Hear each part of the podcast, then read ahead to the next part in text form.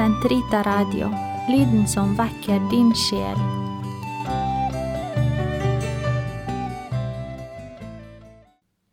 Den katolske kirkes katekisme, uke 23,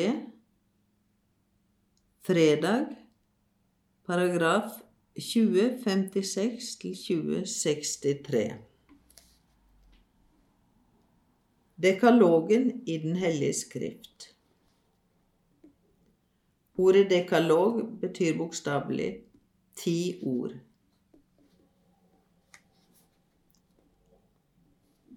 Disse ti ord åpenbarte Gud for sitt folk på det hellige fjell.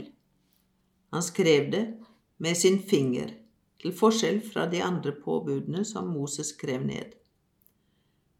De utgjør dermed Guds ord i særlig forstand. De er blitt oss overlevert i Exodus og Deutronomium.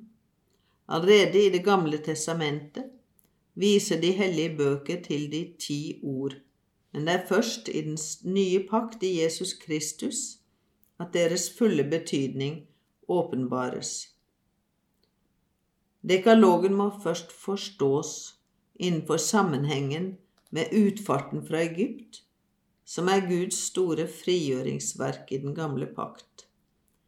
Enten de ti ord har forbudsform eller er positivt utformet, slik som du skal ære din far og din mor, er rammen for dem et liv befridd fra syndens trelldom. Dekalogen er livets vei. Gjør du som jeg byr deg i dag, så du elsker Herren i Gud og går på Hans veier og holder Hans bud, forskrifter og dommer, da skal du leve og bli tallrik. Deutronomium 30, 16. Dekalogens frigjørende kraft kommer til syne f.eks. i budet om sabbatshvile, som også gjelder innflyttere og treller. Husk at du selv var trell i Egypt, da Herren din Gud førte deg ut derfra med sterk hånd og utstrakt arm. De ti ord sammenfatter og kunngjør Guds lov. Disse ordene talte Herren oppe på fjellet med høy røst til dere, hele menigheten, ut av ilden, skyene og mørket. Mer sa han ikke. Han skrev budene på to steintavler, som han ga meg. Derfor kalles de to tavlene vitnesbyrde. De inneholder nemlig betingelsene for den pakt som ble inngått mellom Gud og folket. Disse lovtavlene skal legges ned i paktskisten. Disse ti ord uttales av Gud midt under en teofani.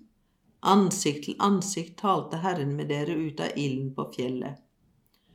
De utgjør en del av den åpenbaring av seg selv og sin herlighet Gud foretar. De ti buds gave er den gave Gud gir seg selv og sin hellige vilje ved. Ved å gi sin vilje til kjenne åpenbarer Gud seg for sitt folk.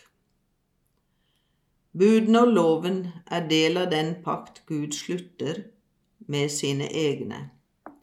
Ifølge Exodus-boken finner åpenbaringen av de ti ord sted mellom paktstilbudet og paktsinngåelsen, etter at folk har forpliktet seg til å gjøre alt det Herren har sagt, og være lydige mot dem.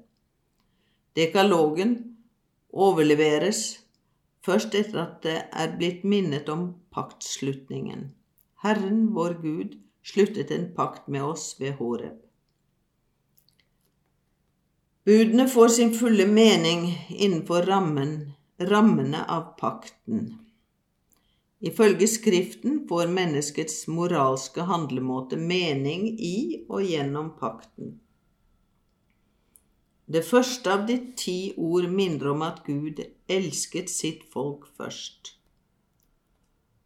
Og siden det hadde funnet sted en overgang fra frihetens paradis denne verdens slaveri som straff for synd, taler dekalogens første ord, det vil si det første ordet i Guds bud om frihet.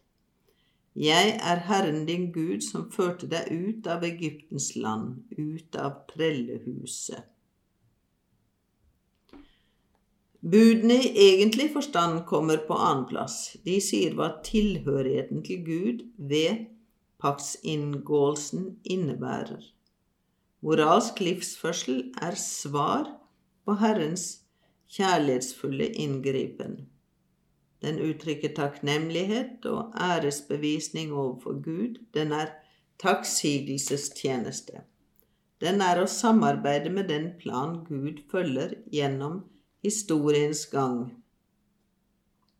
Pakten og dialogen mellom Gud og mennesket bekreftes også ved at alle påbudene uttales i første person. Jeg er Herren, henvendt til annen person du. I alle Guds bud er det den, det personlige pronomenet i entall som er mottakeren. Gud gjør sin vilje kjent for hver enkelt samtidig som for hele folket. Herren påla å elske Gud og å være rettferdig mot nesten, slik at mennesket verken skulle være urettferdig eller Gud uverdig. Slik gjorde Gud ved dekalogen mennesket rede til å bli sin venn og til å ha ett hjerte med sin neste. Dekalogens ord forblir uendret blant oss kristne.